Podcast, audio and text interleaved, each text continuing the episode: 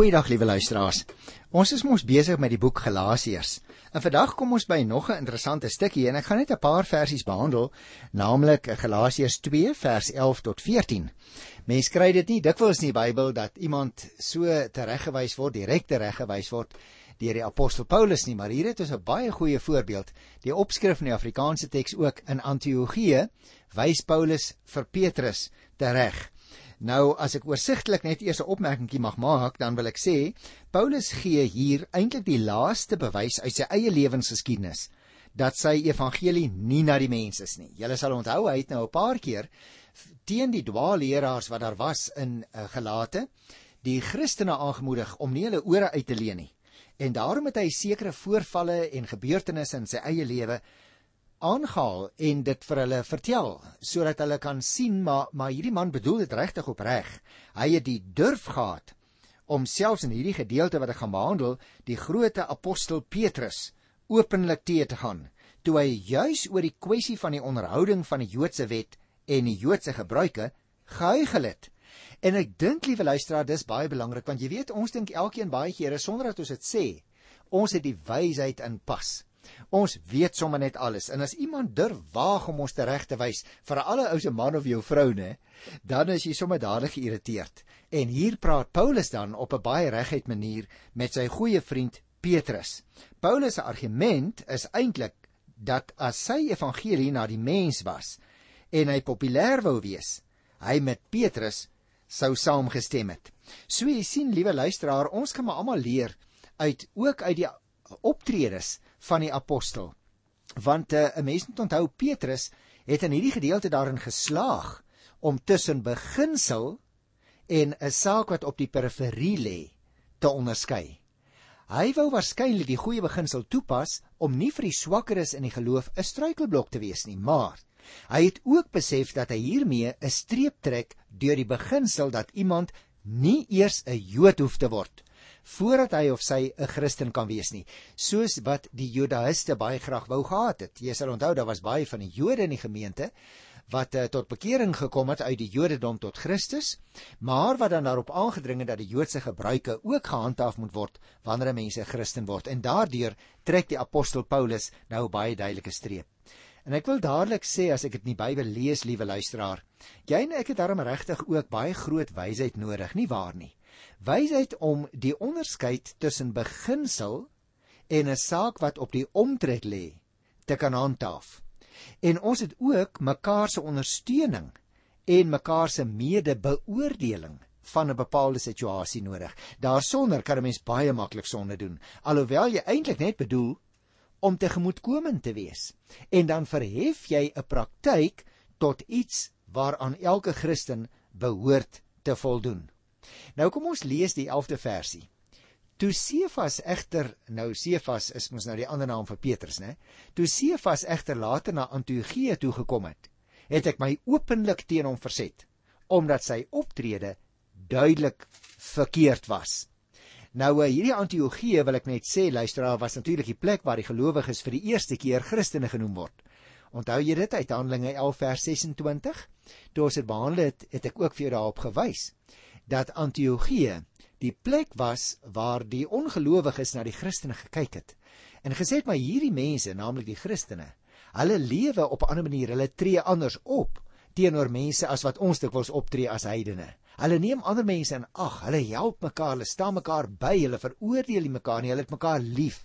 En hierdie tipiese karaktertrek wat by elke Christen sigbaar behoort te wees, het die heidene so aangespoor dat hulle na die Christene begin verwys het as Christene. En die eerste plek dan waar dit gebeur het, was in die groot heidense stad Antiochië. Nou, dit is dan juis hier in Antiochië vertel Galasiërs 2 vers 11 vir ons waar Paulus genoodsaak word om vir Petrus tereg te wys. Hierdie stad was naamlik die hoofstad van Sirië, die Romeinse provinsie, waar Christene uit die heidene nasies met Christene uit die Jodendom gemeng geraak het. Verklaarders verskil so 'n bietjie oor wanneer hierdie gebeurtenis presies plaasgevind het. Was dit nou voor die kerkvergadering in Jerusalem? Sommige sê dit was daarna. Nou ons weet nie regtig nie, want hoewel geen tyd gegee word nie, wil dit uit die verband wel voorkom dat dit na die kerkvergadering plaasgevind het. Daar word ook nie gesê waarom Petrus Antiochië toe gekom het nie. Paulus sê dat hy hom openlik verset het omdat Petrus se optrede duidelik verkeerd was. Nou dit is eintlik 'n bietjie onduidelik op hierdie stadium, maar wat Petrus gedoen het, gaan ons net nou in die 14de vers met mekaar behandel en dan sal ek weer daarop terugkom. Nou ja goed, as ons dan hier kyk na vers 11 tot by vers 14, dan wil ek nou ook eers stil staan by hierdie ding waarna ek nou net verwys het. Want jy sien, Petrus het hier nie daarin geslaag om tussen beginsel en iets wat op die omtrek lê te onderskei nie. Waarskynlik wou hy die goeie beginsel toepas om nie vir die swakkeres in die geloof 'n struikelblok te wees nie, maar hy het nie besef dat hy daarmee 'n streep trek deur die beginsel dat iemand nie eers 'n Jood moet word nie, soos wat ek net nou ook vir jou gesê het. En daarom luisteraar, moet ons juis aan hierdie soort ding baie baie duidelik aandag gee. Anders kan 'n mens uh heeltemal op 'n dwaalweg beland. En hierdie hele gebeurtenis in Antiochië word eintlik vir ons net in enkele sinne geskets en heelwat inligting word as bekend by die lesers veronderstel. Nou ongelukkig jy en ek wat amper 2000 jaar daarna lewe, ons ken nie die presiese omstandighede nie. Dit is daarom baie moeilik eintlik om die episode volledig te kan rekonstrueer. Paulus vertel ook nie regtig die verhaal ter wille van die verhaal nie, maar om die teologiese beginsel waarvan hy uitgaan te illustreer. Met ander woorde, dat 'n mens nie uit die heidendom of uit die Jodendom eers wanneer jy Christen word, die Joodse gebruike moet aanneem nie. Dit is die beginsel waaroor dit hier gaan. Tog kan 'n mens wel sekere afleidings maak uit die konteks. Jy sien nog die presiese tydstip, nog die doel van Paulus se besoek aan Antiochië word vir ons verduidelik. Na alle waarskynlikheid moes dit na die Jerusalem byeenkoms gewees het. Ons moet ook onthou, luisteraar, dat Antiochië in die noordwestelike deel van Sirië uh, geleë was, wat nou uh, ek het dit al van tevore gesê, maar miskien vir luisteraars wat die een, eerste keer inskakel vandag, wat in die uh, gebied van Turkye soos ons dit vandag ken lê. En dit was 'n baie belangrike sentrum van die heidensending wat na die dood van Stefanus ontstaan het. Jy kan miskien as jy weer die verhaal gaan lees, gaan kyk in Handelinge 11 by vers 19 tot 30. Nou val dit my op, sowel Paulus as Barnabas het natuurlik noue bande met Antiochië onderhou. Petrus se koms daarheen op hierdie stadium kon bloot deel van 'n toevallige besoek gewees het, maar dit kon ook met die nakom van die ooreenkoms in Jerusalem te doen gehad het. In elk geval ervaar Paulus Petrus se optrede as duidelik verkeerd, soos die Bybel sê, 'n bedreiging vir die evangelie met ander woorde, waarteen hy hom dus openlik staan daar, openlik moet verset. In Paulus se oë was dit Petrus se eie gedrag wat die inkonsekwentheid van sy standpunt blootgelê het. Nou kom ek lees vers 12. Voordat daar van Jakobus se mense aangekom het, het Sefas gewoonweg saam met nie-Joodse gelowiges geëet.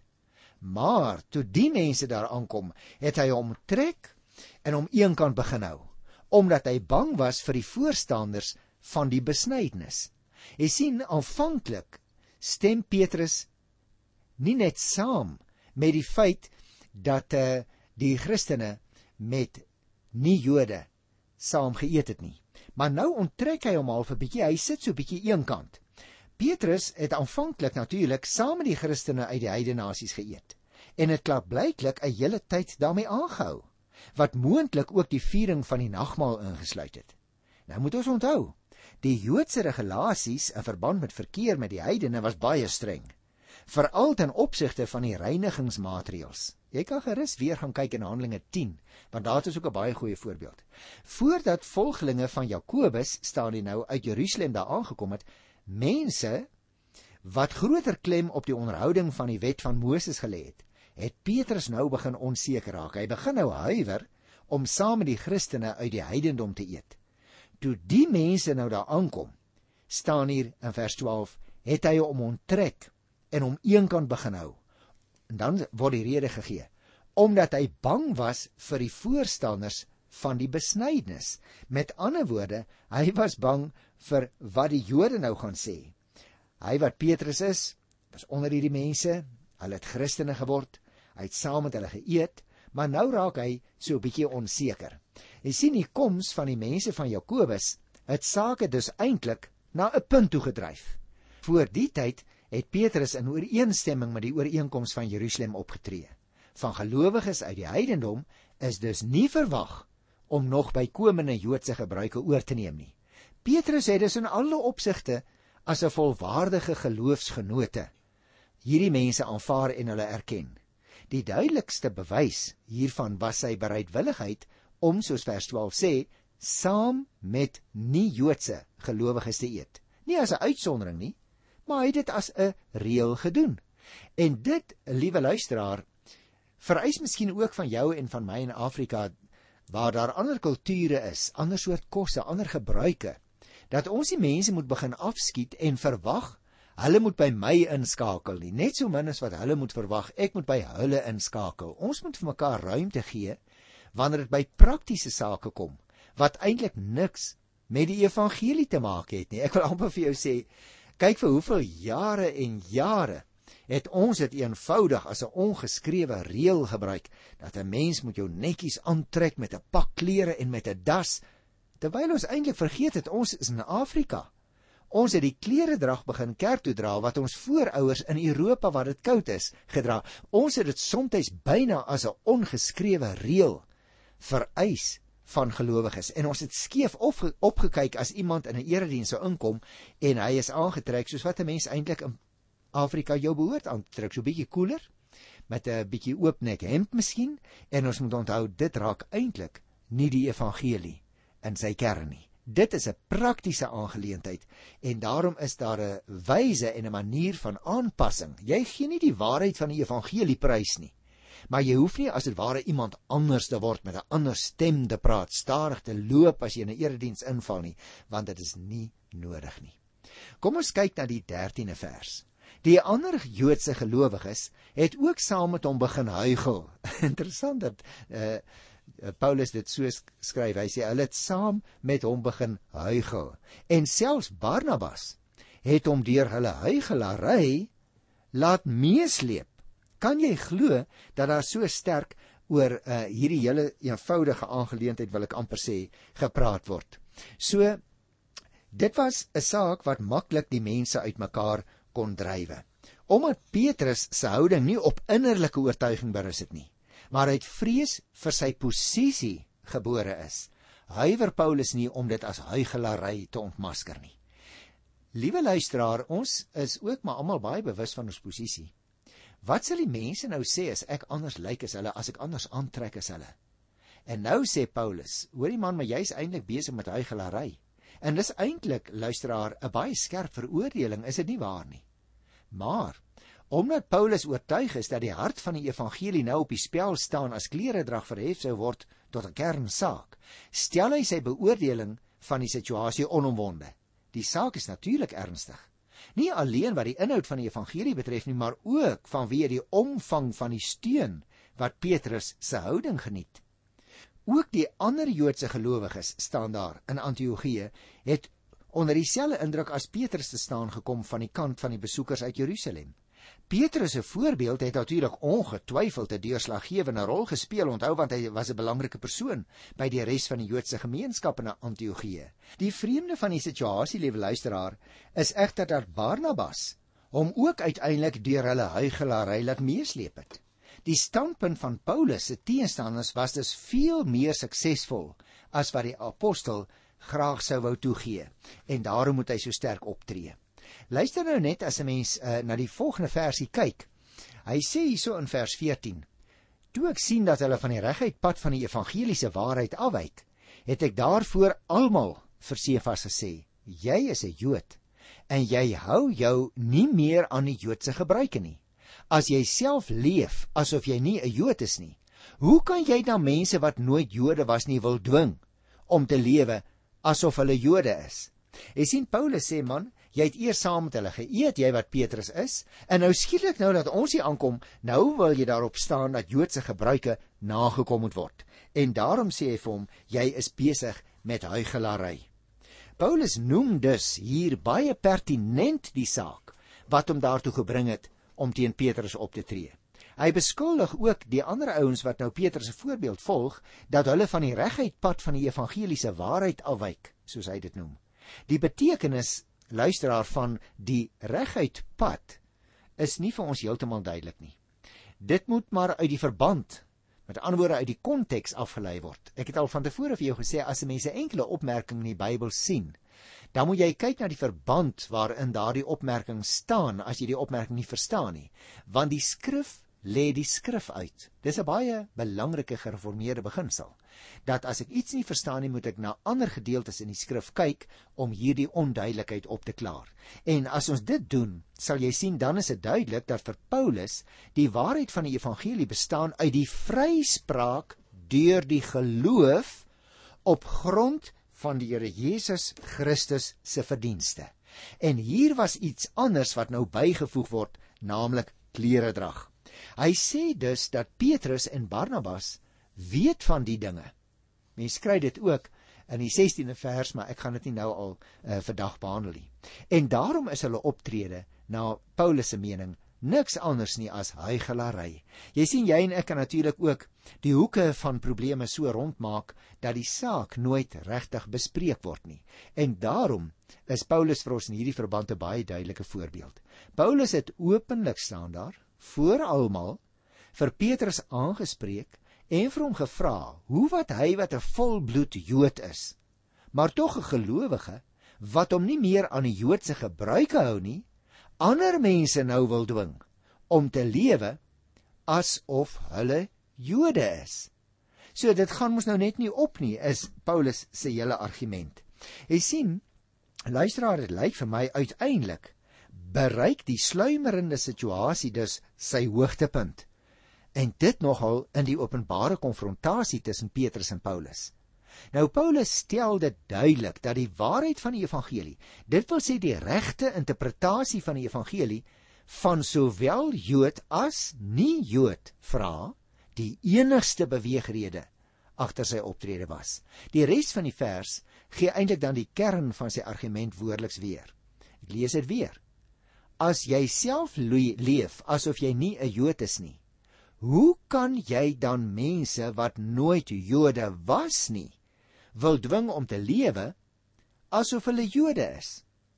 Onlangs het 'n jong man met my kom gesels wat uh, in die resente tyd tot bekering gekom het. En regtig, ek het baie hoë waardering om hy. Hy's 'n baie baie oulike jong man. Maar die oomblik toe hy tot bekering kom, het daar as dit ware luisteraar, ek wil nou nie die ouetjie te nakom nie. Daar het as dit ware 'n nuwe stroefheid oor hom gekom. Hy het 'n baie ernstige persoon geword. Hy het sekere dinge wat doodgewoon juis wat klere drag hier in Suid-Afrika betref, uh, soos met 'n kortbroek loop. Dit het hy nou heeltemal gelos want hy voel 'n mens mag nou nie so uh, jou naaktheid bedek nie, is sy woorde. In die openbaar, ek praat nou nie van die erediens nie. Gevolglik moes ek so 'n bietjie met hom gesels en sê man, maar jy het nou heeltemal van persoonlikheid verander. En daardie verandering vind nou neerslag in jou klere drag. En daarom, liewe luisteraar, is dit so nodig dat jy en ek sal weet, ons as Christus gelowiges het regtig mekaar nodig. Waardering dit ontbreek so baie by ons. 'n Klop op die skouer is vir mense baie werd. Maar die reguit vermaaning deur 'n medegelowige is soms onontbreeklik. Nou, dit was nie nodig dat ek nou met hom uh, sou raas nie. Hoekom sou ek dit nou doen? Maar mooi rustig met hom gaan gesels en sê kom ons praat so 'n bietjie oor klere drag. Uh hoe sien jy nou uh, wat 'n Christen behoort te dra of wat nie? Nou noem hy 'n klompie redes. Terwyl ons nou met mekaar praat, kom hy al meer onder die indruk van ek het juis hierdie gedeelte aangehaal van wat die apostel Paulus sê wat op 'n baie reguit manier vir Petrus sê Man, kyk, jy's nou regtig besig om addisionele dinge by te voeg wat regtig nie die kern van 'n Christen raak nie. Nou 'n mens moet versigtig wees om so 'n situasie waarna ek nou verwys met 'n jong man te vergelyk met hierdie, want die situasie in Galate was redelik ernstig, hoor. Daar was mense wat Paulus se bediening onder 'n vraagteken wou bring. Dit was die mense wat gestaan het op Joodse gebruike. En uh, sommige van die mense het nou vir Petrus begin navolg wat dan nou eers opgetree het, geëet het soos hulle geëet het, En toe Paulus nou daar aankom, toe begin hy nou skielik sê nee, maar maar wag 'n bietjie, ons moet daarom nou 'n bietjie anders optree, hè. Paulus is op pad en uh, wat gaan hy nou sê? Dit gaan nie oor wat Paulus sê nie.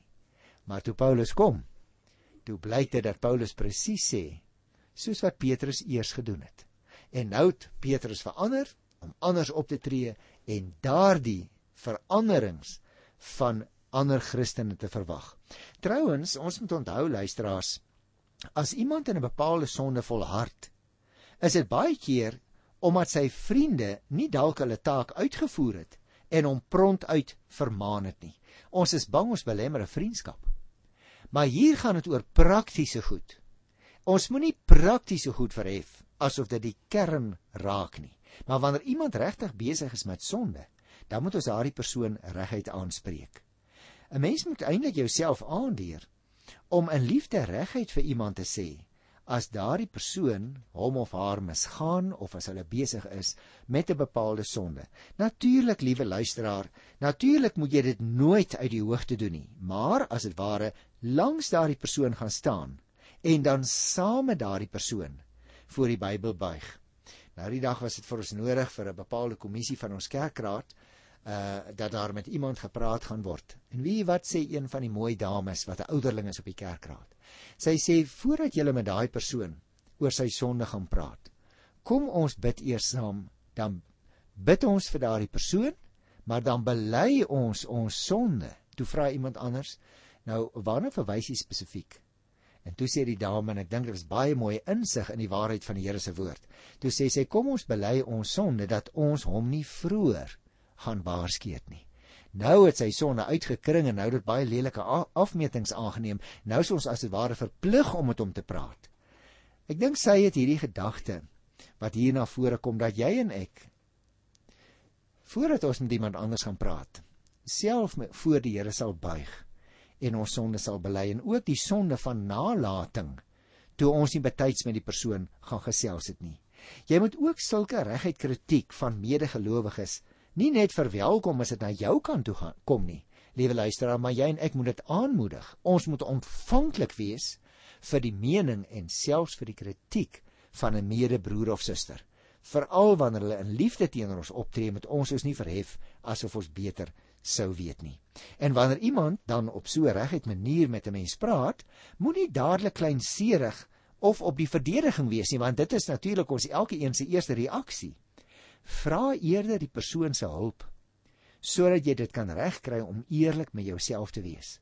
Vra die persoon sê, "Wie ek het so verskriklik baie waardering dat jy vandag met my kom praat oor hierdie ding." En nou dat jy dit sê, sien ek dit oombliklik in. Het dit met jou al ook gebeur?